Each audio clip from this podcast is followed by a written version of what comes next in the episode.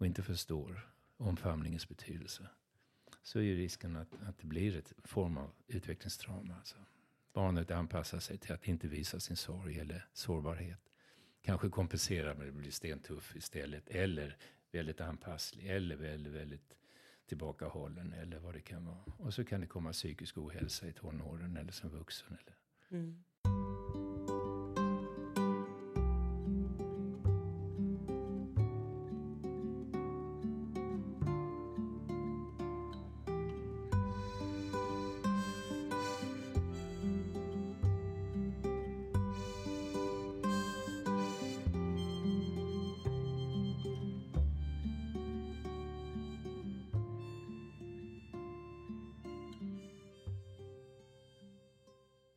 Välkommen till podden Det där samtalet. Där vi, Petra och Peter, reflekterar, tänker högt och nyfiket utforskar. Hej! Hej, Hej Petra, brukar du säga. Hallå Peter. Hej. Men vet du vad? Eh, nu sitter du och jag här, men än en gång med en fantastiskt spännande gäst. Mm. Eh, och den gästen är då? Lasse Övling. Yes. Ja. Och du sa till mig innan att jag är lite starstruck idag. Ja, det här låter ju konstigt. Hej Lars, välkommen. Hej, nu släpper tack vi in för att jag fick komma. Mm. ja, vi är så glada att vi fick ihop det här en, en uh, måndagkväll i, i uh, Västervik. Um, ja, men starstruck, det kanske är fel ord att använda. Hur känner du dig inför att jag säger att jag är lite starstruck? Starstruck? Ja. Alltså det har inte fäst riktigt på mig. Nej. Du ser inte dig själv som, som star? nej, men jag vet att många känner igen mitt namn och ja. sådär. Det händer ju. Men jag, nej, jag känner mig inte som star. Stars, eller, du menar att du är starstruck? Ja, du, nej, så, ja, inte det kan att inte du skulle vara det. Okej, okay, du säger att det där med starstruck är inget känt. Jo, jag vet vad det betyder. Men, men tack för att du redde ut okay. det i alla fall. ja, just Nej, det är väl så här att uh, ja, jag, jag lyssnar ju på radiopsykologen. Mm. Eh, och eh, då kom vi direkt in på, på varifrån någon, eller säkert ganska många känner igen dig och din röst mm. och ditt namn. Så är det. Eh, och det var ju så fröjdefullt att, att lyssna till dig och, och, och de samtalen som du hade. Jag hade ingen aning om att du var Västerviksbo då. Det mm. jag tänkte, den där killen han sitter väl i någon storstad någonstans. Mm. Eh, också kanske? Ja, mm. också. Men eh, du var hemmahörande här. Mm. Så starstruck kanske var ett illa valt ord, men jag tyckte det har varit väldigt fint att lyssna till det. Så jag har Tack. För många det. härliga stunder. Fint. Mm. Ja, det, det, är ju så här att vi, vi har väl eh, funderat lite grann på vad, vart vi ska ta det här någonstans. Men vi har känt att ganska gött kan det vara för lyssnarna och för mig som är jättenyfiken på var Eh, ja, under vilka förhållanden och var växte Lasse upp någonstans? Alltså bara placera dig på någon sorts karta. Mm.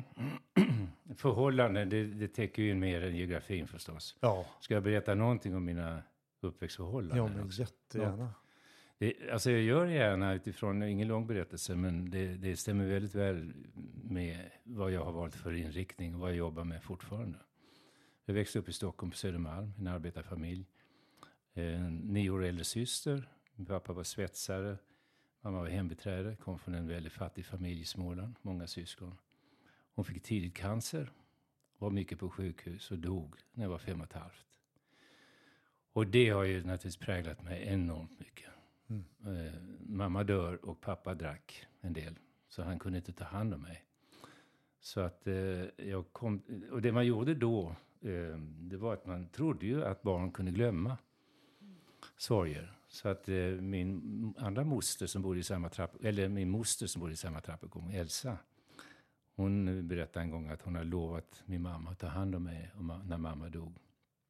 Men hon vågade inte, hon hade så dålig självkänsla. Eh, hon var inte gift och då skulle man inte ta hand om barn. Och den, den moralen som fanns då. Så hon tog med mig till min mormor i djupa Småland, en Byholma utanför Ljungby. Och eh, mormor kände jag ju väl sen sommarlov och så. Så att, eh, det var ju fint. Men vi pratade aldrig om min mamma. Jag kan inte minnas en enda gång att någon frågade hur är det att ha förlorat din mamma. Mm. Jag var inte med på begravningen. jag fick inte det som jag sörjde mest som vuxen när jag började jobba med det här terapi, för det gjorde jag ju. Det, det, det var nödvändigt att jag jobbade igenom det. Det var ju sorgen över att jag inte fick besöka henne på sjukhus. Mm. Jag skulle så gärna vilja lämnat en blomma. Och jag, kan, jag blir ju sorgsen bara jag tänker på det. Det är så djupt präglande. Och idag kan jag säga att jag har ju en erfarenhet sedan ett och ett halvt år tillbaka. Min livskamrat dog, Maria. Och eh, då hamnade jag naturligtvis i en djup sorg. Och det har jag jobbat med i stort sett varje, varje dag under åtminstone ett år eller tre kvarts år. Så grät jag djupt varje dag. Och det har hjälpt mig att också bearbeta sorgen efter mamma ytterligare. Mm. Idag är jag väldigt, väldigt ska jag säga, tacksam över att jag har haft förmågan att bearbeta sorgen. För att eh, jag skulle kunna, även som ung, tagit vägen var som helst in i missbruk eller i eh, av någonting, psykisk ohälsa. Men jag hamnade i ett fosterhem med en annan moster, och många mostrar, eh, nere i Skåne som inte hade barn och som kom och kan man på ett sätt kidnappa mig. Jag visste inte jag skulle stanna där. Jag skulle ner och få luften byte. Och eh, kom ner till Malmö och saknade direkt min pappa, min syster, min moster i Stockholm, min lekkamrater i Stockholm. Och, och fick inte veta att jag skulle stanna. Så skulle jag börja skolan efter ett och ett halvt år och så blev jag där. Och så. Jag blev adopterad alltså. Och eh, det är klart det präglat mig så väldigt mycket. Mm. Till att till exempel klara mig själv. Ehm, till att vara väldigt beredd på att min, min närmaste, käraste kan försvinna vilken sekund som helst. Ehm, till att eh, samtidigt vara väldigt, väldigt rädd att bli ensam. Utan att ha riktigt förstått det. Alltså det, det är djupt existentiella frågor som det handlar om, som har präglat mig. Och det har också gjort, och det kan jag ju vara tacksam över verkligen, att eh, jag sökte mig in till psykologin. Jag minns när jag var 16 år, satt i Malmö latinskola, första året i gymnasiet. Så kom det i aulan en eh, yrkesvägledare och pratade om framtiden. Och jag skulle bli ingenjör. Jag, jag gillade både matte och annat, fysik och annat. Men när han pratade om att psykologi, då får man lära känna sig själv och andra. Och han var väldigt alltså, positiv till, till psykologi. Jag tror jag bestämde mig där, jag ska bli psykolog. Och så jag sökte in direkt efter gymnasiet och eh, började. Och så blev jag jättebesviken. jag var i Göteborg. Herregud, vi gjorde råttexperiment. Och 17 har det här att göra med mig. Ja. för jag förstår ju så efteråt att jag sökte in huvudsakligen för att jag mådde så dåligt Mm. som tonåring. Men vad gjorde ni med råttorna? Experiment med råttor? Ja. Ja, ja, alltså man satte in elektroder i olika delar av hjärnan och, och gav dem eh, elektrisk stimulans. Och, Aha. ja, eller du vet bara sådana här eh, betingningsexperiment, att de Mm. fick mat, de tryckte på en knapp och så. Ja, det var, för jag Ja, såg dissek dissektion framför mig, men det var inte... Nej, men det Nej. var verkligen sån här klassiska råttexperiment, betingning helt Ja, enkelt. Alltså, mm, mm. Mm. Det var väl kul, men det var inte, alltså, och jag förstod ju inte då hur dåligt jag mådde. Mm. Men det gjorde jag. Och sen eh, så eh, träffade jag så småningom Maria som jag småningom gifte mig och eller fick barn med. Men eh, det dröjde på, hon bodde i Umeå och jag var i Eskilstuna. Det var så här.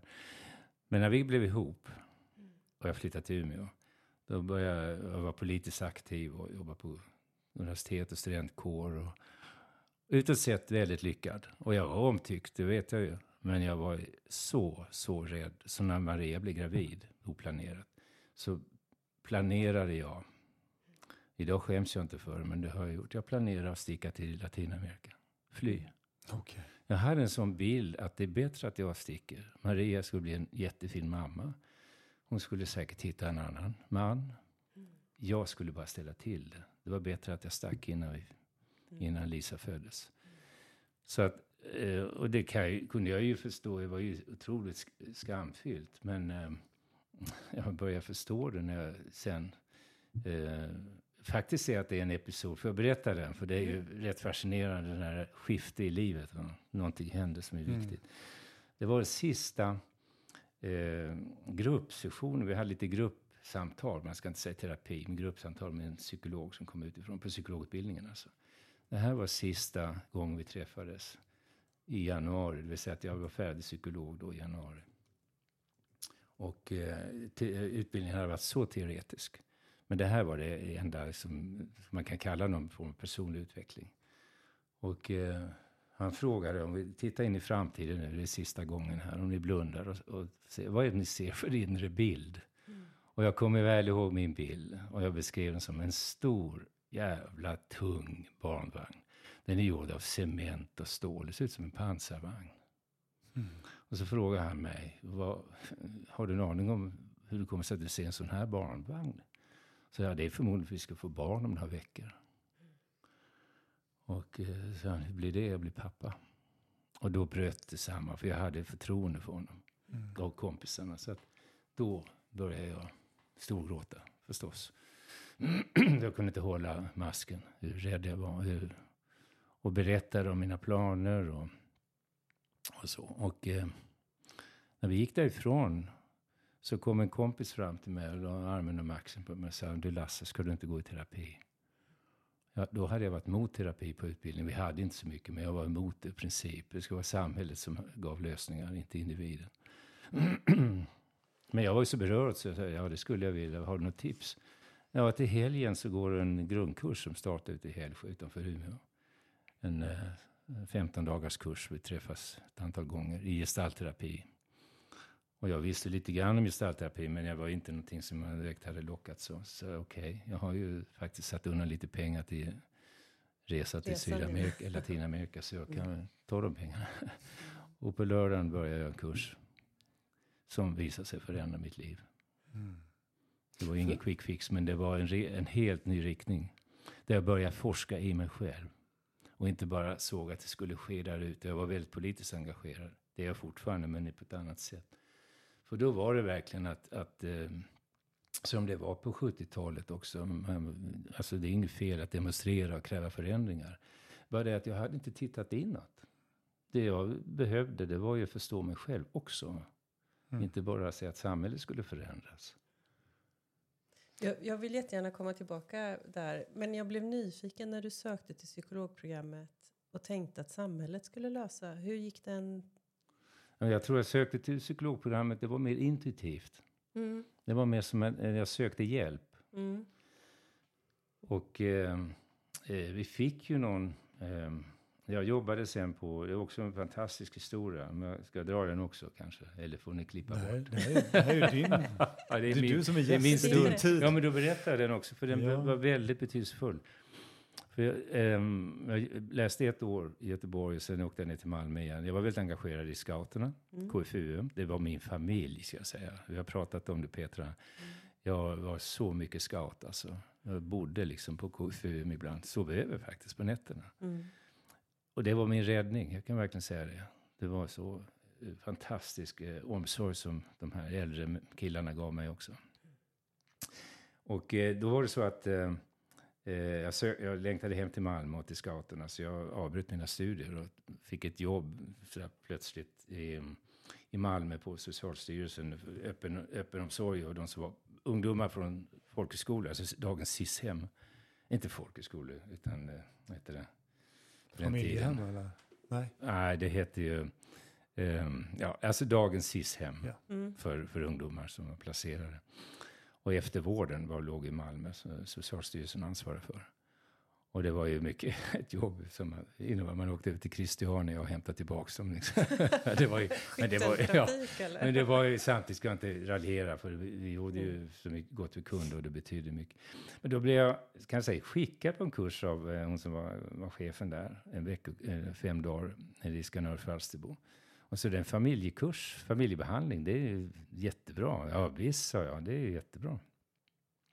Jag åkte ner dit och, eh, på en kursgård där och hamnade i en grupp med kanske 20-tal med, eh, ja, medelålders var det, jag var yngst. Men de, de satt i en ring och så satt terapeuten, en amerikansk guru förstod jag sen. Mm. Gestaltterapeut, eh, visade sig han var, familjeterapeut. Och eh, jag satt med penna och papper och trodde det skulle vara föreläsningar.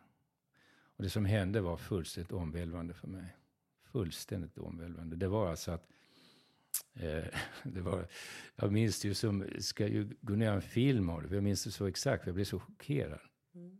Plötsligt två medelålders män som visade sig vara läkare. Den ena psykiatriker minns jag, den andra var någon annan läkare. De började bråka. Gav sig upp på golvet och stod liksom eh, och, och brottades och sådär. Och jag förstod ju, eller om jag hade förstått, att de, de följde med den här gurun runt på olika kurser. Så de kände varandra sedan tidigare. Så de bara fortsatte mm. sin uppgörelse där. Och jag blev ju chockad över det här förstås. Och eh, när de hade jobbat med det här, jag minns inte hur det gick, men de, i alla fall så frågade den här eh, terapeuten mig. Mm. Eh, vem tar du parti för? Alltså, en, på den tiden, 70-tal, så jobbade gestaltterapi otroligt provokativt. Mm. Som man aldrig gör idag.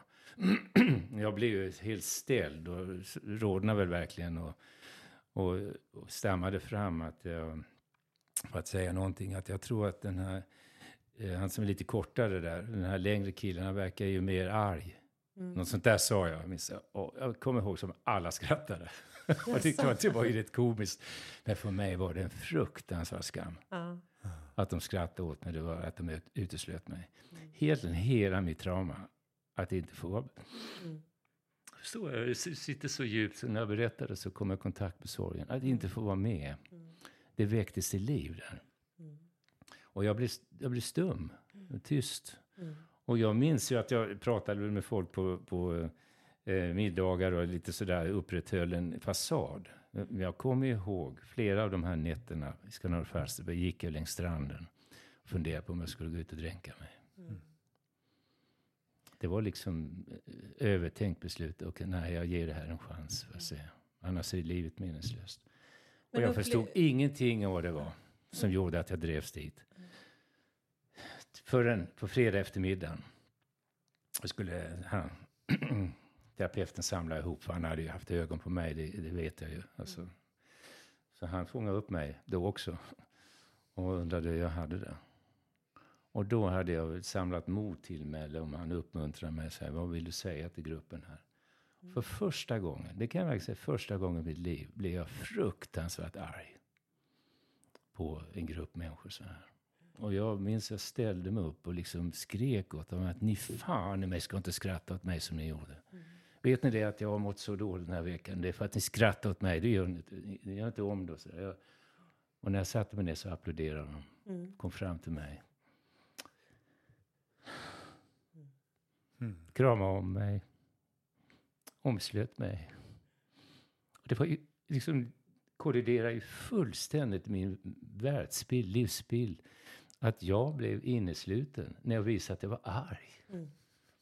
Det som jag som fem och ett halvt åring överhuvudtaget inte var i kontakt med. Jag var så fruktansvärt arg. Och, och, och naturligtvis jätteledsen över att mamma försvunnit. Och att pappa lämnade bort mig. Ingen av mina närmaste brydde sig på det sättet. Så att det här blev ju en, en retraumatisering som löstes upp. Med en erfarenhet. Jag grät ju sen. Jag minns att jag grät hejlöst fick bara omsorg. och det var ju fint. Bara, grejen är att det kom för, lite för mycket. Mm. Det blev för tufft. Och det är väldigt uppmärksam på just gestaltterapi, kroppsterapi och sådär. Att det kan komma så mycket väldigt hastigt. Och det här var fredag eftermiddag, vi skulle åka hem. Så när jag kom hem så var jag omtumlad och hade ingen, jag pratade inte med någon om det. Jag skulle behövt en uppföljning av det. Då hade det kunnat bli en riktigt bra upplevelse. Nu blev det ändå en bra upplevelse på ett sätt. För jag förstod någonting om att jag har hållit tillbaka så mycket känslor. Får jag mm. fråga, hur, hur fick du modet att säga? För, för jag tänker i den här känslan av utanförskap som var så väldigt stark. Ja. Hur, hur kunde du uppamma modet att säga det du sa? Ja, jag kommer inte riktigt ihåg processen annat än att det var liv eller död på något sätt. Alltså. Mm. Och han var skicklig, mm. den här mm. terapeuten. Han, han, jag, kom, jag vet inte precis hur han hjälpte mig, men han hjälpte mig att få fram det. Mm. Det är mm. alldeles klart. Mm. Det här jobbar man ju med, jag vet inte om ni har sett sådana här sessioner, man har jobbat med det i fängelsevård till exempel i Kalifornien och på andra sätt, där man, man hjälper interner i att komma i djup kontakt med först sin ilska, för den finns där överst. Och de skriker och, och det fanns en som hette The, Work, såg ni den? Den låg på SVT för några år sedan. Sessioner där de, de här internerna jobbade med varandra, för de, några var ju så vana vid, de var ju terapeutiskt utbildade på det sättet. Och då kunde man se en session av en, en intern som, som blev så fruktansvärt arg så han skrek och slog. Och de andra internerna stod bara runt om honom mm. och uppmuntrade honom. Men ut med det, ut med det, ut med det. Ut med det. Mm. Och till, set, till slut så bröt nervsystemet ihop kan man säga. Det vill säga den här superaktiveringen. Mm. Den, den rasade. Mm. Och han föll ner på golvet och började storgråta. Mm. Och då sätter sig de här, jag minns bilden precis, de här eh, biffiga, tatuerade, långhåriga, skäggiga internerna. Mm. Många var dömda för både mord och våldtäkt och annat. de sätter sig ner och ömt börjar vischa honom. Mm. Klappa honom. Prata till honom kärleksfullt. Mm. Och nu blir jag berörd igen. Mm. Därför det här är så otroligt centralt. Mm. Och det har färgat hela mitt liv. Det har gjort att jag jobbar och jobbar, fortsätter jobba. Mm. Att hjälpa människor om möjligt komma i kontakt med sårbarheten. Om man har trauma. De flesta har på något sätt mer eller mindre erfarenheter av att känna sig ensam, utesluten, eh, övergiven i stunden, missförstådd, skammad. Mm. Det har vi alla, mer eller mindre. En del har det väldigt mycket och de sitter på kåken, många av dem. Mm. Men eh, alla har möjlighet att få jobba med det om vi vill. Jag måste ställa så att jag, jag hade en fråga som ungefär löd att skulle du kunna identifiera den största psykologiska utmaningen som mänskligheten delar på? Och jag, nu är min uppfattning av det du sa, att, att du ringade in just det. Mm. Sårbarheten, om man ja. nu kallar det det. Eller egentligen kärleken, därför det hänger ihop. Sorgen hänger ihop. Jag säga, I den här sorgen som jag gått igenom efter Maria, eh, så har jag blivit mer, kom, mer kontakt med kärlek. Mm. Jag älskade henne och jag älskar henne fortfarande. Alltså, ännu djupare kärlek till livet och till mig själv inte minst. Och till allt levande. På något sätt. Jag märker det verkligen. Jag är mycket mer kärleksfull. Och dessutom har jag ju träffat en kvinna i mitt liv nu. Mm. Vi sågs i helgen och det är otroligt att få utforska kärlek med en ny, med en ny person sådär. Mm. Så jag kan liksom gå i god för att, vilket jag visste, vi har jobbat med många innan, men jag själv inte upplevt det. Vågar man nalkas och komma i kontakt med sin sorg, mm. sin sårbarhet, sina djupaste, sin djupaste smärta och kan vara i den, uttrycka den, omfamna den själv, då kommer jag ur starkare och mer kärleksfull. Det vill säga att jag har, kan omfamna mig själv. Jag kan göra det som jag gör med barn, som man tröstar barn kan omfamna min, egna, min egen sorg och rädsla. Mm. Så att det här är ju ytterligare för mig som en gåva. Mm. Att livet är så rikt och så paradoxalt. Mm. Att, ja. När du var i den här sorgeprocessen, hade du någon form av visshet eller lugn i dig att det skulle komma en vändning eller någonting bra ut? Ja, jag, jag har ju erfarenheter av det också, teoretiska mm. jag säger, teorier kring det. Men jag har ju jobbat med många människor som har gått igenom. Och jag har ju gjort det också i min egen terapi och så. Mm. så tidigare med mamma och mm. med andra sorger. så jag hade en tillförsikt att jag kommer att om jag bara släpper fram sorgen. Jag, jag gjorde redan dag ett när hon, Maria låg, hennes kropp låg död mm. eh, i sommarstugan på Öland. Och jag gick ut på allvaret för då, jag har haft mycket skam kring det här. Mm. Och jag gick ut på allvaret och eh, pratade med henne. Så kom sorgen och jag skrek och jag grät som ett barn. Mm. Och märkte efteråt vilken befrielse det var. Mm. Och jag lyssnade på henne och frågade vad, vad är det hon skulle sagt. Mm. Hon skulle sagt jag älskar dig. Mm. Jag ger dig total frihet. Och önskar dem att du gör ett bra liv för dig. Mm. För barn och barnbarn och vänner. Och träffar du en ny kvinna så skulle jag vara lycklig. Mm. Hon skulle sagt. Hon sa det också innan hon dog. Ungefär så. Så mm. det var ju också en hjälp att de hade så djup kärlek. Mm. Men sen tänkte jag, ja det här ska jag fortsätta med. Så fort jag kände en ett tryck över bröstet. Eller om ni har varit med om sorg så är ju liksom det, hon dök, dök ju upp överallt. Mm. Uh, I en garderob, öppna en garderob och se en, en klänning så kom sorgen. Mm. Uh, och jag tänkte när den kommer så ska jag ge mig tid. Och jag gav mig tid. Mm. Så det var varje dag. Mm. Då kom det en stund och då hade jag, fick jag också en, eh, och det var med en slump för det var, jag fortsatte med det här i Stockholm. När jag jobbade där uppe med jag kom mot mina barn och så. så um, gick jag på stan och så fick jag en sån här impuls att jag behöver prata med henne eh, och sörja. Och då var det ju folk där. Så tänkte jag, men herregud, vad händer? Så jag tog upp telefonen. och så gjorde jag så här, men det är, faktiskt intressant. Jag spelade in mm. mig själv. Så jag satte telefonen och så pratade mm. med henne. Och så fick hon, fick jag satte röst på hennes, mm. vad hon skulle ha sagt i min fantasi. Och så kom sorgen. Och så grät jag. Och så berättade jag hur mycket jag älskar henne. Och så fick hon säga hur mycket hon älskar mig. Mm. Och så kändes det efter fem, sex, sju minuter bara så fridfullt. Mm. Och det här har jag, alltså det är ju, det är lite pinsamt kanske. Men jag, jag har ju berättat för några, jag tror jag har 60-70. Mm. för det var inte alltid jag gjorde det. Men på något sätt blir det en sån vana. Mm. Och jag tänkte att någon gång, jag vet inte om jag kommer lyssna på det, men det är lite spännande. Mm. Så vad är det egentligen jag säger? Och vad är det som gör att jag kommer i kontakt med sorgen? Och vad är det? Mm. Um, så det finns ett professionellt intresse för min egen mm. process på ett sätt sådär. Du säger pinsamt, jag tänker vackert. Ja. Väldigt ja, tack, vackert. Tack. Mm. Um, jag tänker bråttom, tänker jag, när du pratar om sorg. Att det känns som att vi, och jag vet inte om det är en kulturell fråga, men att vi har ganska bråttom i att hjälpa andra att komma ur sorgen att den inte får det utrymme den kanske behöver ha. Mm. För vi är så mån om i, i våran, våran angelägenhet om att du inte ska vara ledsen så vill vi hjälpa dig ur sorgen. Just det. Eh, och att vi kanske också, tänker jag, har lite bråttom själva.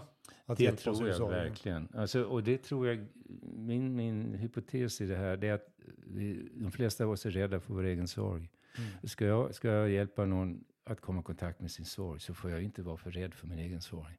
Jag kommer att bli emotionellt påverkad och, är jag rädd för den så kommer jag stoppa upp den andra. Mm. Jag hörde för ett tag sedan, det är inte så länge sedan, jag pratade mycket med, med människor om sorg eller de pratar med mig och sådär. Och så. Då var det en, för min erfarenhet eh, kring eh, begravningar och, och eh, sorgeritualer, det är i vår kultur att det är ofta väldigt återhållsamt. Alltså ritualen det är liksom med ord och med sång och det är vackert och allt fint. Men det här med någon skulle börja storgråta i kyrkan, det händer ju naturligtvis. Men det är inte självklart och det kan kännas pinsamt och allt möjligt. Då var det en som berättade att han hade varit på en begravning i, det var någon liten sockerkyrka i Dalarna.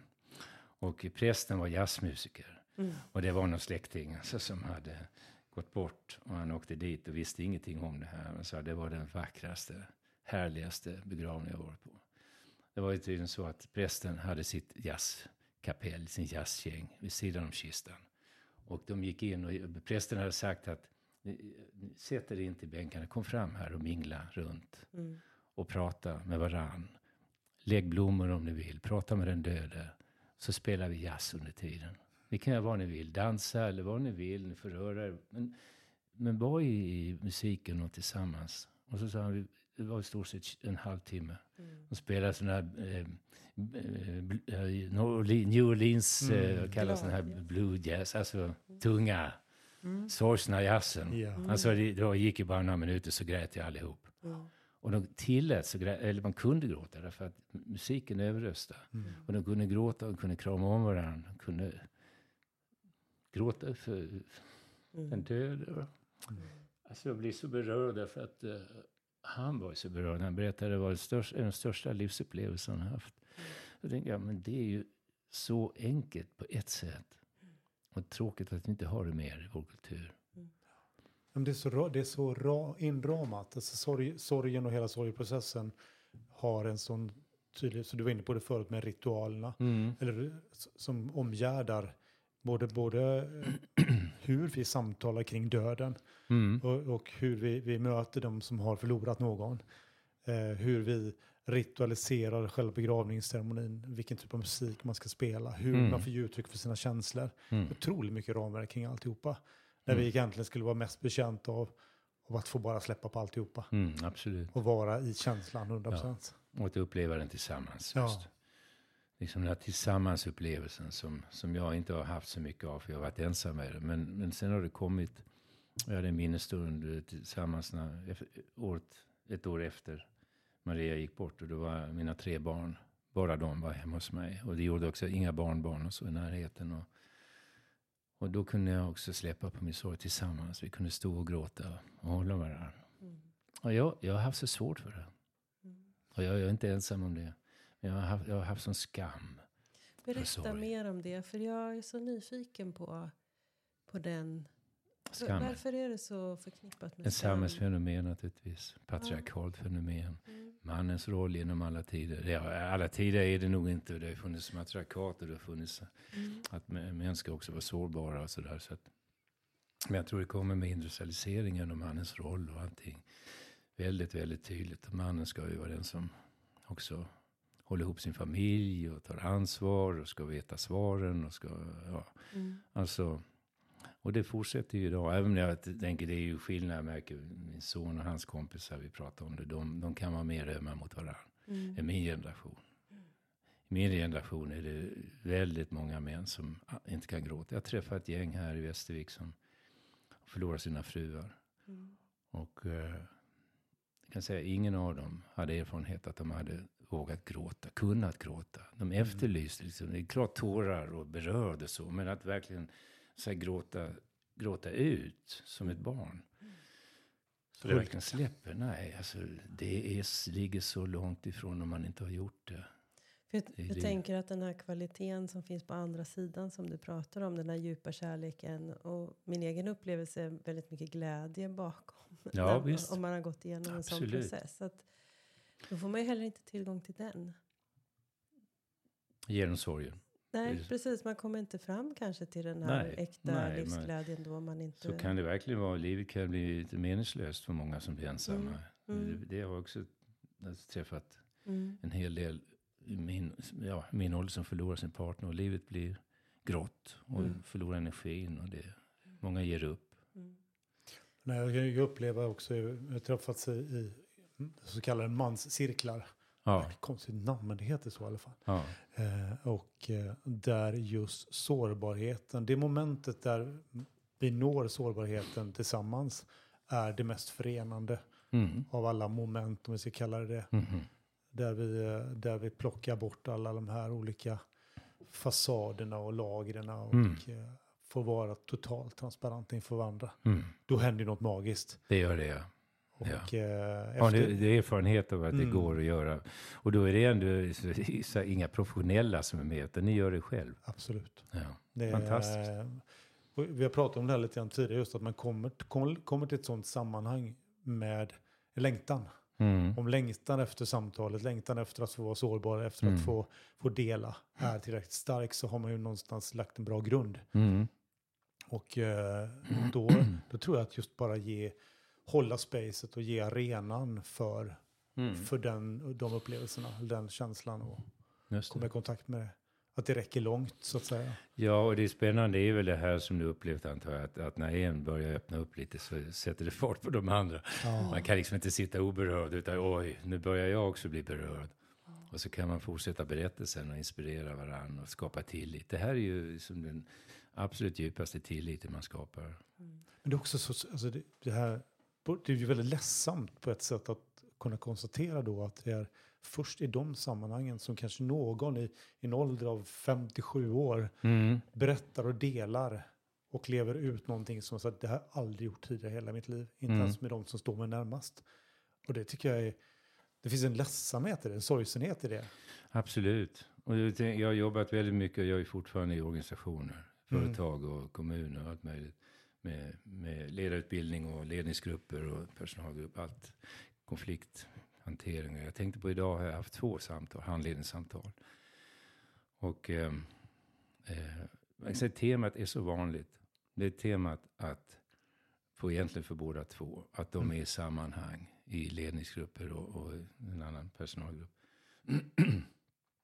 det, det är både kommunalt och privat det här. Så att det gäller i de flesta organisationer. Där de saknar, det saknas tillit. Mm. Tilliten är så låg. Så att man går in på mötet och då sitter man och liksom försvarar sig redan från början. Och läser av naturligtvis det här. Och en del kanske inte läser av, men de här gör det. Mm. Det vill säga att de, de är som kvinnor och de är mer öppna för och, vad som händer emotionellt. Men, men alltså man har inte verktyg. Hur ska man kunna skapa ett tillitsfullare klimat? Mm. Vilket skulle förändra möjligheterna till att vara både effektivare och reflekterande och mer görande och i alla möjliga avseenden skulle det förmodligen förbättra verksamheten. Men man, man saknar, verksamhet, och saknar verktygen och cheferna i allmänhet, om de inte har, har det med sig eller modet med sig eller fått utbildning, de flesta har inte fått utbildning i det heller. Man går kurser där man lär sig, så här ska man göra, så här ska man inte göra. Så här är en bra chef, så här är inte en bra chef.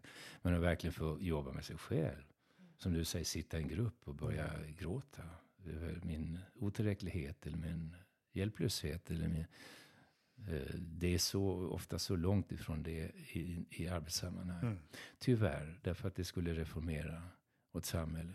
Om det är någonting som skulle, som jag ser reformera vårt samhälle, transformera vårt samhälle, så är det om man skulle kunna börja jobba mycket med hur, eh, inspirera till personliga samtal på jobbet.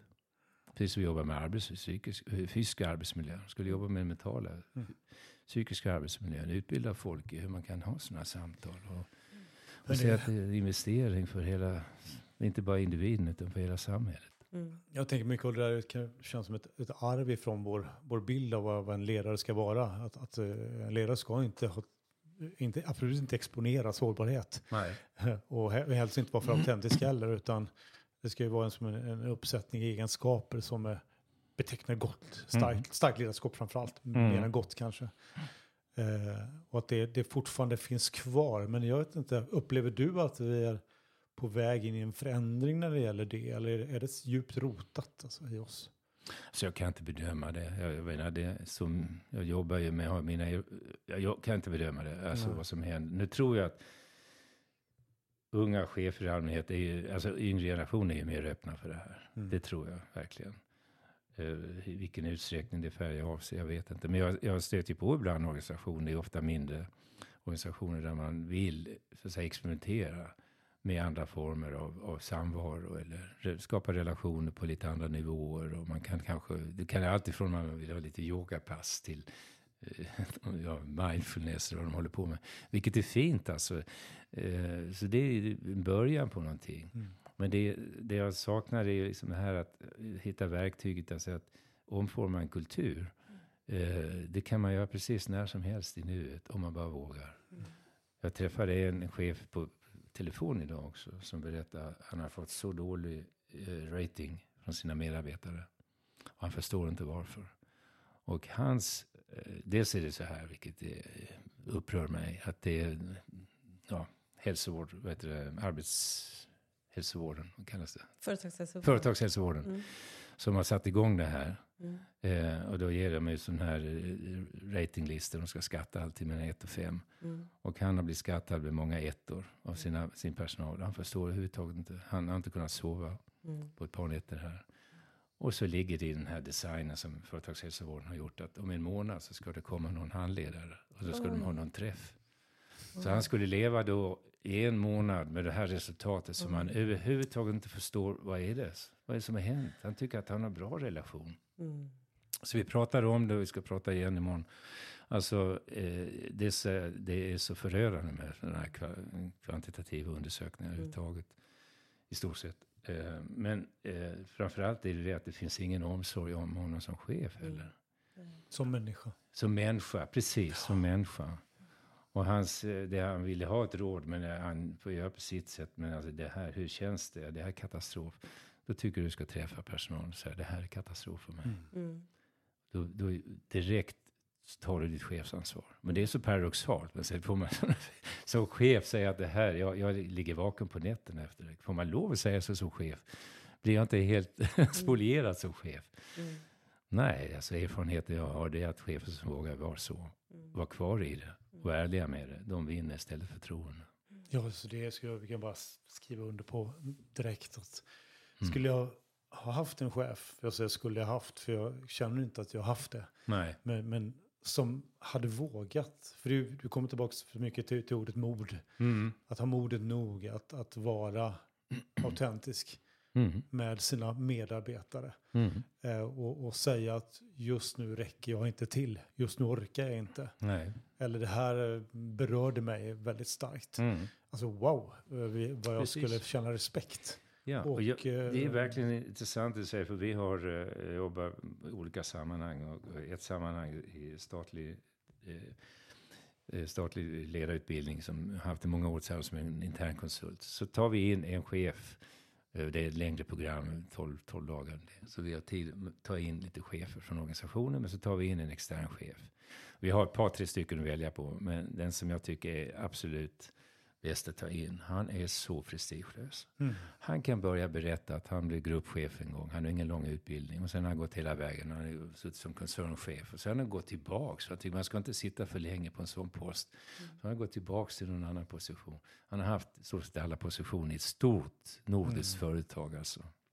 Och när han berättar om sin, eh, sin erfarenhet av chefskap. Så är det bara att man sitter liksom och säger Gud om vi haft sådana chefer. Mm. Han är så öppen. Mm. Så tydlig samtidigt. Han vågar vara så ärlig. Så kommer alltid, alltid de, eh, idén är att han kommer dit, han har inget föredrag, utan idén att de ställer frågor. Så han svarar på deras frågor. Och det kommer alltid frågor till, från de som speciellt som jobbar inom stat och kommun om sådana uppfattningar. Ja, men man har ju de man har. Man kan inte bli av med en chef, underchef eller om det, om det är någon som inte klarar det. Det går liksom inte att säga upp hur som helst och sådär. Så säger han att jag tror under min långa karriär så har jag nog fått ett hundratal personer att sluta i sina chefspositioner. Jag har aldrig köpt ut någon. Kan man tro. Är det möjligt? Därför det vanliga är inom privata näringslivet man köper ut chefer för att man ska bli av med dem. Men han säger att det jag har gjort, det är att jag har mött dem gång på gång på gång i samtal. Och ställt tydliga krav. Jag har liksom formulerat mina förväntningar och krav och lyssnat på dem. Och när de säger att ja, nu förstår jag vad jag ska göra. Okej, okay, vad behöver du för hjälp och stöd? Så, så gör det. Och så gör de det och så blir det fortfarande inget bra resultat. Effekten kan bli att han, han träffar dem igen. Alltså det kan vara långa perioder. Vi träffas var 14 dag, kanske 10, 12, 15 gånger. Och jag är tydlig mot dem. Och säger jag kan fortfarande inte se en förändring. Vad, vad vill du göra åt det? Och eh, alltså, i samtliga fall som jag har gjort så här med, och det är många, så kommer personen så slut fram till att jag kanske inte är på rätt plats. Mm. Och då brukar jag säga, Gud vad glad jag är att du kan se det. Mm. Du ska inte behöva vara på fel plats. Och det är klart att det som stort företag, de kanske kan ibland erbjuda någonting annat. Men alltså de flesta de, de lämnar alltså. Och mm. de får väl någon schysst eh, månads, eh, alltså lön. Men inte att de köper ut dem till årslöner och sånt där. Eh, och han, dessutom brukar han berätta att, att jag, det har hänt många gånger på tunnelbanan i Stockholm att det kommer fram någon och hejar på mig. Oj, jag, jag har sett, ja du var ju min chef. Och du fick ju mig att lämna min, min mm. tjänst. Och jag ska tacka dig för det. Mm. Det var det bästa som har hänt mig.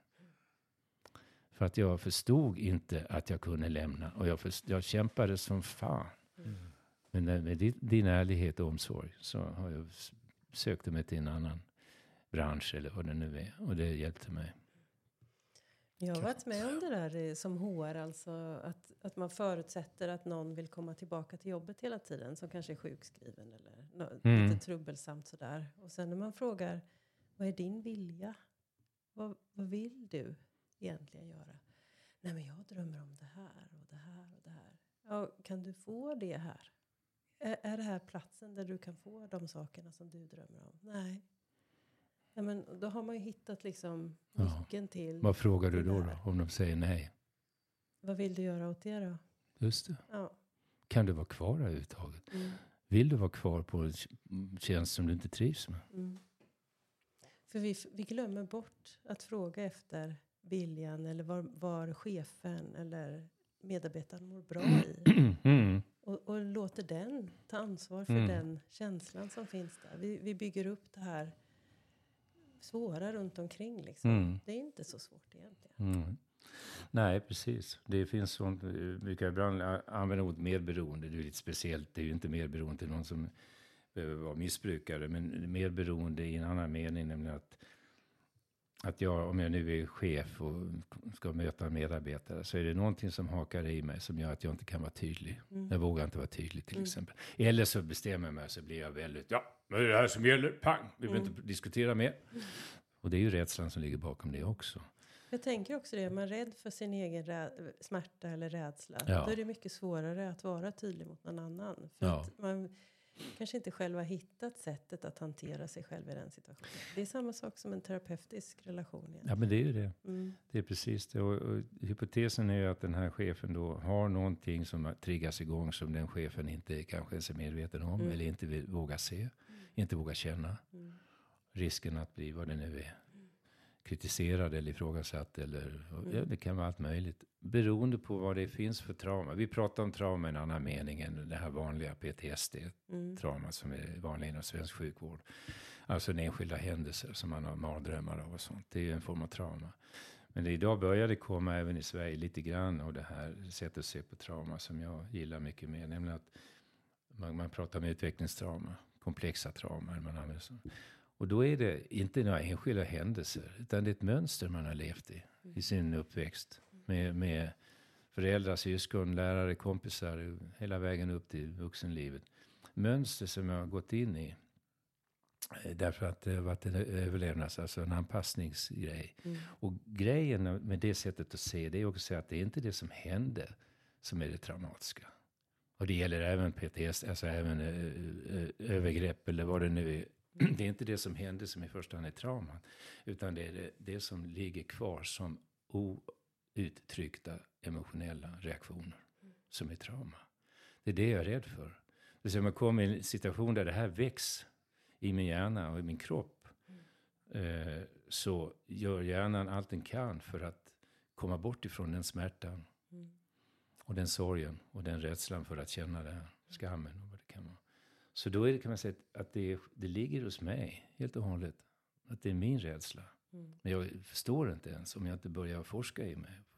Mm. Som att, eh, oavsett om vi, alltså människor är ju vi, var vi än befinner oss, om det är så i en privat relation eller i en, i en någon roll i en förening eller om det är en yrkesroll, ledarskap eller inte ledarskap. Att ju, ju högre grad av, av kontakt vi har med våra egna vårt eget inre. Mm. Eh, desto större är förutsättningen att, att inte bara må bra och gå bra utan också hantera eh, utmaningar och relationer runt omkring mig. Mm. Som annars tenderar att, att landa i något som är ogynnsamt för, mm. för mig och min omgivning. Liksom. Absolut, så är det verkligen. Och exempel från idag med en av de här eh, personerna jag träffar blev så slående. Det är ofta, ibland blir det så här, oh, wow, jag skulle vilja ha det på video för det är så vackert. Men hon kom fram till efter att ha pratat en halvtimme och fått jobba. Kände hon igen det hon hade mot, eh, mot eh, andra personer som är auktoriteter för henne. Hon blir rädd. Hon kan inte förstå det. För i vanliga fall så är hon väldigt eh, kavat och tydlig och hon kan hantera svåra situationer. Och, och så är det några personer i organisationen där hon reagerar så. Mm. Att hon blir bara tyst. Hon förstår inte vad det handlar om. Och hon fick fundera lite grann, vad kan det handla om i din uppväxt? Mm. Och direkt så kom hon till att se en, en åttaårig tjej som flyttade och så kom hon börja med hästar och där på det här stallet så var det äldre tjejer som var taskiga mot henne, pickade på henne. Hon var så rädd. Mm. Och lite andra händelser som gjorde. Och föräldrarna hade inte förståelse för det. De, ja, så, så hon fick inte den hjälpen och, och vågade inte berätta det och sådär. Och när hon börjar prata med, som vi gör i gestaltterapi lite bara som en pedagogisk, prata med din åttaåring och byt stol och låt henne prata och sådär. Hon kunde möta det här och bli berörd. Och till ledsen och, och kunde liksom se, gud den här åttaåringen var ensam och rädd. Mm. Och det är det som triggar igång. Det är det som finns kvar i min hjärna. Så, så kunde jag avsluta med att säga, jag känner mig så trygg inför det här mötet. Mm. Och liksom den här bilden av att jag kommer, kommer ha med mig åttaåringen. Och blir jag berörd så kommer jag kunna säga det. Mm. Och det, det är precis som du säger, då har hon ju nått en nivå av att hon överger inte sig själv. Autenticiteten, att inte överge sig själv genom att spela ett spel. Mm. Utan kunna omfamna. Omfamna, Istället. det är ett bra ord. Precis, omfamna använder jag ofta som ord. Ja. För då är det liknelse med att om det är en en åttaåring, mina barn, förhoppningsvis ofta när de var ledsna så sa men det kom, sätt i knät eller krama om dem, omfamna dem. Så de kunde få känna att de fick vara ledsna. Mm. Och den processen var att det läkte ut inom några minuter. Mm. Och jag kunde säga du, du är så fin, jag älskar dig. Mm. Då fick de med sig ökad självkänsla dessutom. De får vara ledsna och de kan vara älskade. Mm.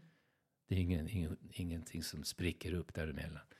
Men alla, alla de gånger de inte fick det, jag vet inte, om det, det gör jag väl också när jag var stressad, men om det blir mer av det här att föräldrar eh, inte orkar eller hinner eh, med, eller själv inte har fått det tillräckligt och inte förstår omfamningens betydelse, så är ju risken att, att det blir ett form av utvecklingstrauma. Alltså.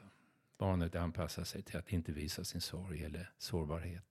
Kanske kompensera med att bli stentuff istället. Eller väldigt anpasslig eller väldigt, väldigt tillbakahållen eller vad det kan vara. Och så kan det komma psykisk ohälsa i tonåren eller som vuxen. Eller. Mm. För jag, för du sa ordet tid nyss och det tangerar lite en fråga. Liksom, jag tänker sån här eh, som vi då, Peter och jag, vi är typ 50, runt 60. Mm. Snäll du var. Ja, jag kom på det. Närmare 60. Typ. Sådär. Ja, typ. Och så kanske insikter börjar komma i livet att mm det kanske finns någonting där som jag borde ha kikat på eller det här hämmar mig idag. Uh, det här är, gör mig lite ledsen. Mm. Men nu är jag ju 50. Liksom. Mm. Uh, om jag ska öppna på den här luckan av vad det nu kan vara som är, mm. ligger där bakom. Det kommer ju ta 40 år. Är det värt den insatsen? Det är lite läskigt. Det är mycket mm. smärta som kan vara förenat Absolut, det, det är så man tänker ja. lätt. Mm. Vad, vad, skulle du, vad skulle du säga till en sån? Ja, jag skulle säga att det, det är ditt val naturligtvis. Men jag kan ju mm. berätta att jag har så många erfarenheter av människor som har gjort det. Mm. Och då handlar det inte om att, som jag gjorde när jag var 20 i den här gestaltkursen, det handlar inte om att fläka upp sig. Utan det handlar om att öppna upp en liten glänt, glänta upp lite. Mm. Öppna fönstret lite, låta det få komma in och komma ut. Mm. Och märka, så i sin egen takt få känna att jag kan reglera det här. Mm. När man jobbar med, med traumatiska erfarenheter så är det otroligt viktigt att det det handlar om i trauma, vad det nu än är för trauma, det är egentligen att upplevelsen också är att jag hanterar, jag klarar inte av, jag är så, speciellt riktigt traumatiska erfarenheter som övergrepp eller vad det kan vara som gör att jag var helt hjälplös. Mm. Och då är egentligen den här hjälplösheten en del av traumat. Att jag har en bild att jag klarar inte av, mm. om jag hamnar i den här situationen, så kan jag inte sätta mina gränser. Jag kan mm. inte ens fly. Jag kan inte, framförallt inte bli arg eller försvara mig eller någonting. Mm. Så det är som hjälplösheten som jag har som en betydelse i mig. Mm. Och då, då är det klart att om jag fläker upp mig som, som jag gjorde, eller hamnar i, i liknande trauma och får en ny upplevelse att jag är hjälplös. Mm. Då är det väldigt, väldigt smärtsamt och det kan bli väldigt tufft. Mm. Alltså man, man får vara jäkligt försiktig som terapeut mm. på det sättet. Va? Mm. Om man anar att det finns djupa trauma. Mm. Men om man nu säger att man jobbar så som man ska, tycker jag, med trauma, att, att hjälpa personen att säga att de kan reglera det här själv. Mm. Man kan börja tänka, ja, precis öppna och glänta. Man kan, och rent praktiskt så gör man till exempel så här, man kan säga att okej, okay, tänk på det här. Mm. Eller tänk lite grann innan det här hände, om det nu är ett speciellt trauma. Mm. Eller tänk lite efter, hur var det då? När, när tror du att du känner dig någorlunda trygg igen? Mm. Kan du tänka på det och märka det, hur det är? Mm. Eller, så man närmar sig traumat lite försiktigt. Och om de kommer i kontakt för mycket med det så märker man att de, de stänger av. Mm. Då har de kommit in i det vi kallar freeze. Alltså de kan inte, försvarsmekanismerna, fight, flight, det fungerar inte. Utan de, de blir bara stela och dissocierar känslan. Mm. men om man hjälper dem med att, att de behöver inte gå in i freeze, eller de kan komma ur genom att ta sig ut i verkligheten. Då är de inne i sitt trauma, sin, sin minnesbank. Och rent praktiskt gör vi ofta så att eh, vi säger liksom att titta på någonting innan man börjar jobba. Att hitta någonting i rummet här som du gillar att titta på. Som gör dig lugn. En tavla, en färg, en form, vad som helst. Mm. Eh, många väljer en växt om det är sådär. Men det kan man välja vad som helst. Okay, det ska du ha den som en trygghetspunkt. Så jag kommer att uppmuntra dig, när du, eller om du själv märker att det här blir för mycket, nu, nu börjar jag stänga av, eller nu blir det för tufft. Så kommer jag säga, men okej, bryt och titta på, på den här växten eller på den där tavlan. Verkligen se. För det som händer då, det är att nervsystemet lugnar ner sig. För det, det är en del av nervsystemet, alltså eh, medvetandet, som sitter mest i pannloben. Så den, den blir upptagen då av intrycken från växten eller tavlan. Och de kan ju till och med få beskriva vad de ser. Då, då trängs eh, traumaupplevelsen, minnesupplevelsen undan en stund. Och då kommer nervsystemet att lugna ner sig. Då kommer de märka med att de, ah, nu känner jag mig lugnare. Mm. Okej, okay, nu har du faktiskt reglerat ditt nervsystem, autonoma nervsystem. Det är mm. autonomt, men det går att reglera. Mm. och, och eh, eh, om de får den upplevelsen så kan de gradvis våga ta lite mer och mer av det traumatiska. Mm. Det är ju det fiffiga med att vi bara kan tänka en tanke eller käns ja. känna en känsla i taget. Ja. Det, det ryms alltid två samtidigt. Nej. Liksom. Det är inte så mycket vi har arbets som arbetsminne. Eller nej. Så, nej. Men det är otroligt spännande, för det, det, kan man själv använda om man blir liksom van vid det här. Att blir det för mycket så kan jag hitta sätt att ta mig ur det. Sen kan mm. jag komma tillbaka till det, så jag inte är kvar mm. i tron att jag ska lösa något nu, eller jag ska, vad det mm. nu kan vara. Mm. Utan ge mig tid att lugna ner mitt nervsystem. Hur var det för dig då, om vi återgår till, till Lasse, liksom, mm. i det här? Hade du nytta av dina, kan, kan, kunde du använda dina yrkeskunskaper och det här kring trauma och sorg och så. Mm. Och hantera dig själv det. Nu i, i sorgeprocessen här, mm. absolut. Mm. Oj, oj, oj, så mm. mycket nytta med det. Mm. Bara det här, eh, kan man säga knepet att jag pratar högt. Mm. När jag pratar högt med mig själv så hör jag det genom öronen. Det vill säga det går rätt in i den del av hjärnan som, som inte sorteras. Mm. Det, det, blir samma effekt, i stort sett inte samma, men det blir liknande effekt som någon annan skulle säga det. Mm. Om jag, om jag också säger till mig själv, och nu jag, automatiskt la jag handen på bröstet. För det är också en sån där del i omfamningen, att jag gärna tolkar det här som en omsorg när jag berör mitt eget bröst eller kramar mig själv. Mm. Klappar på mig själv. Så kommer ett djupt ande, långt andetag, en suck. Mm. Mm, vad skönt. Någon bryr sig om mig. Mm. så, så dum är hjärnan så det inte går på det. Lätt, det är lätt. det är jag själv som bryr mig om mig. Det är fantastiskt. ja, det är, det är fantastiskt. det är lättillgängligt. Ja, det är verkligen. Jag har alltid tillgång till, om jag är medveten och, och barnen gör det. Jag har alltid tillgång till att, mm. att vara nära mig själv. Och eh, som sagt, det är ofta, jag menar när jag är stressad, har mycket att göra sådär, så kan jag ju märka det att nu har jag inte varit hemma. Jag brukar tänka på det som jag är inte är hemma. Mm. Jag har gjort en massa saker och håller på så.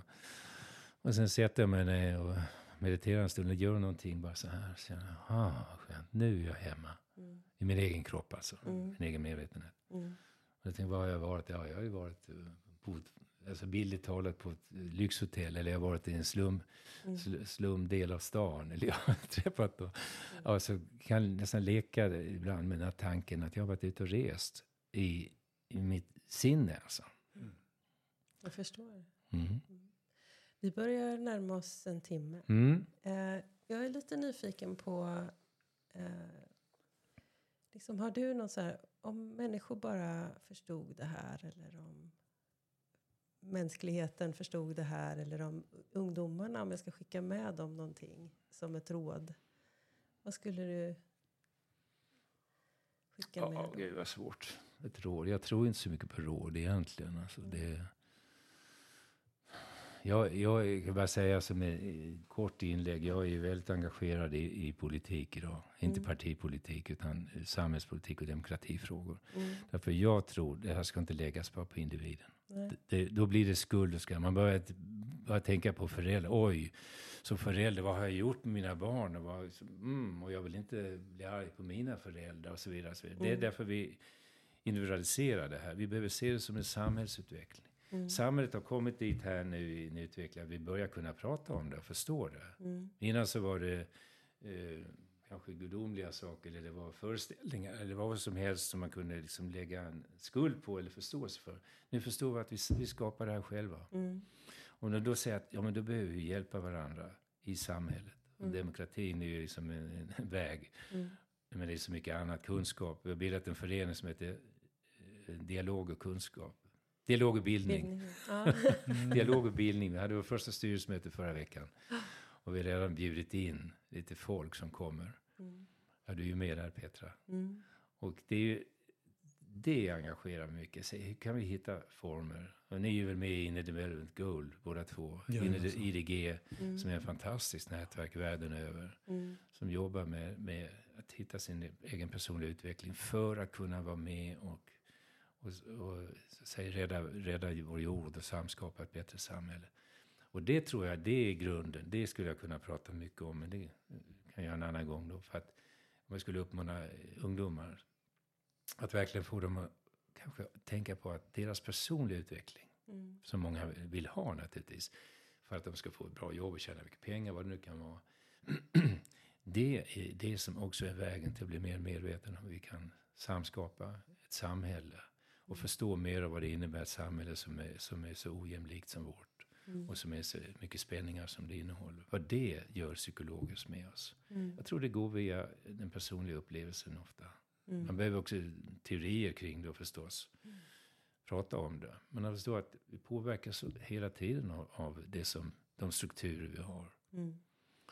Mm. Och det kan vi inte stå emot, det påverkar oss bara. Vi kan bli medvetna om en del av det och kan vara med och, samskapa och förändra det. Men då behöver vi vara många. Vi behöver skapa Sverker Sylin är ju en av de här som vi tänker mm. försöka bjuda ner. Han har skrivit en bok om vetskap till skillnad från kunskap. Mm. Kunskap det är vad var och en har. Vetskap är när vi delar kunskap och bild. Alltså. Mm. Så vi skapar en gemensam vetskap med olika, mm. många olika ingångar. Så vi tillsammans kan förstå mer av vad som händer. Det skulle jag vilja prata med ungdomar om. Jag skulle gärna prata med ungdomar på gymnasiet. Jag hoppas vi kan göra det. Ja, hoppas det. Mm. Ja, eh, jag handen på hjärtat. Ja. det var fantastiskt fint att ha dig som vår gäst. Tack. Eh, för den människa du är. Och för det du delar, inte minst. Tack. För det berör mm. på djupet. Eh, jag vet inte om, jag skulle ändå någonstans vilja nämna det här avslutningsvis kanske, eller om det blir så, men att vi har ju suttit här och haft dig som gäst i vår podd, men du är ju också en poddare. Mm. Tillsammans med Margareta. Just det. Och podden heter? psykologbyrå. Yes. Från början skulle den heta Lasse Maggans psykologbyrå. men, men Margareta vill inte bli kallad Maggan. Nej. Nej. Så du får gärna vara med där Peter. Ja, det låter helt fantastiskt. Ja, men, du har ju varit med Petra. Ja. Ja. men eh, jag tänkte det, det förtjänar att nämnas. Att, och, det var kul. Tack ska du ha. Ja. Och eh, du har gjort så många, ni har gjort så många mer avsnitt än oss. vi, men eh, vi är också på en resa ja. tillsammans. Absolut. Så, det har varit så kul att göra. Det är så kul att göra podd. Ja, det är fantastiskt. Det är fantastiskt att träffa mm. människor som berättar och mm. öppnar upp. Och... Sårbarhet. Mm, yes. Mm, det är det. Det är viktigt. Mm. Det är fint. Så stort tack. Mm, tack, tack. Tack så supermycket för att du kom. Tack.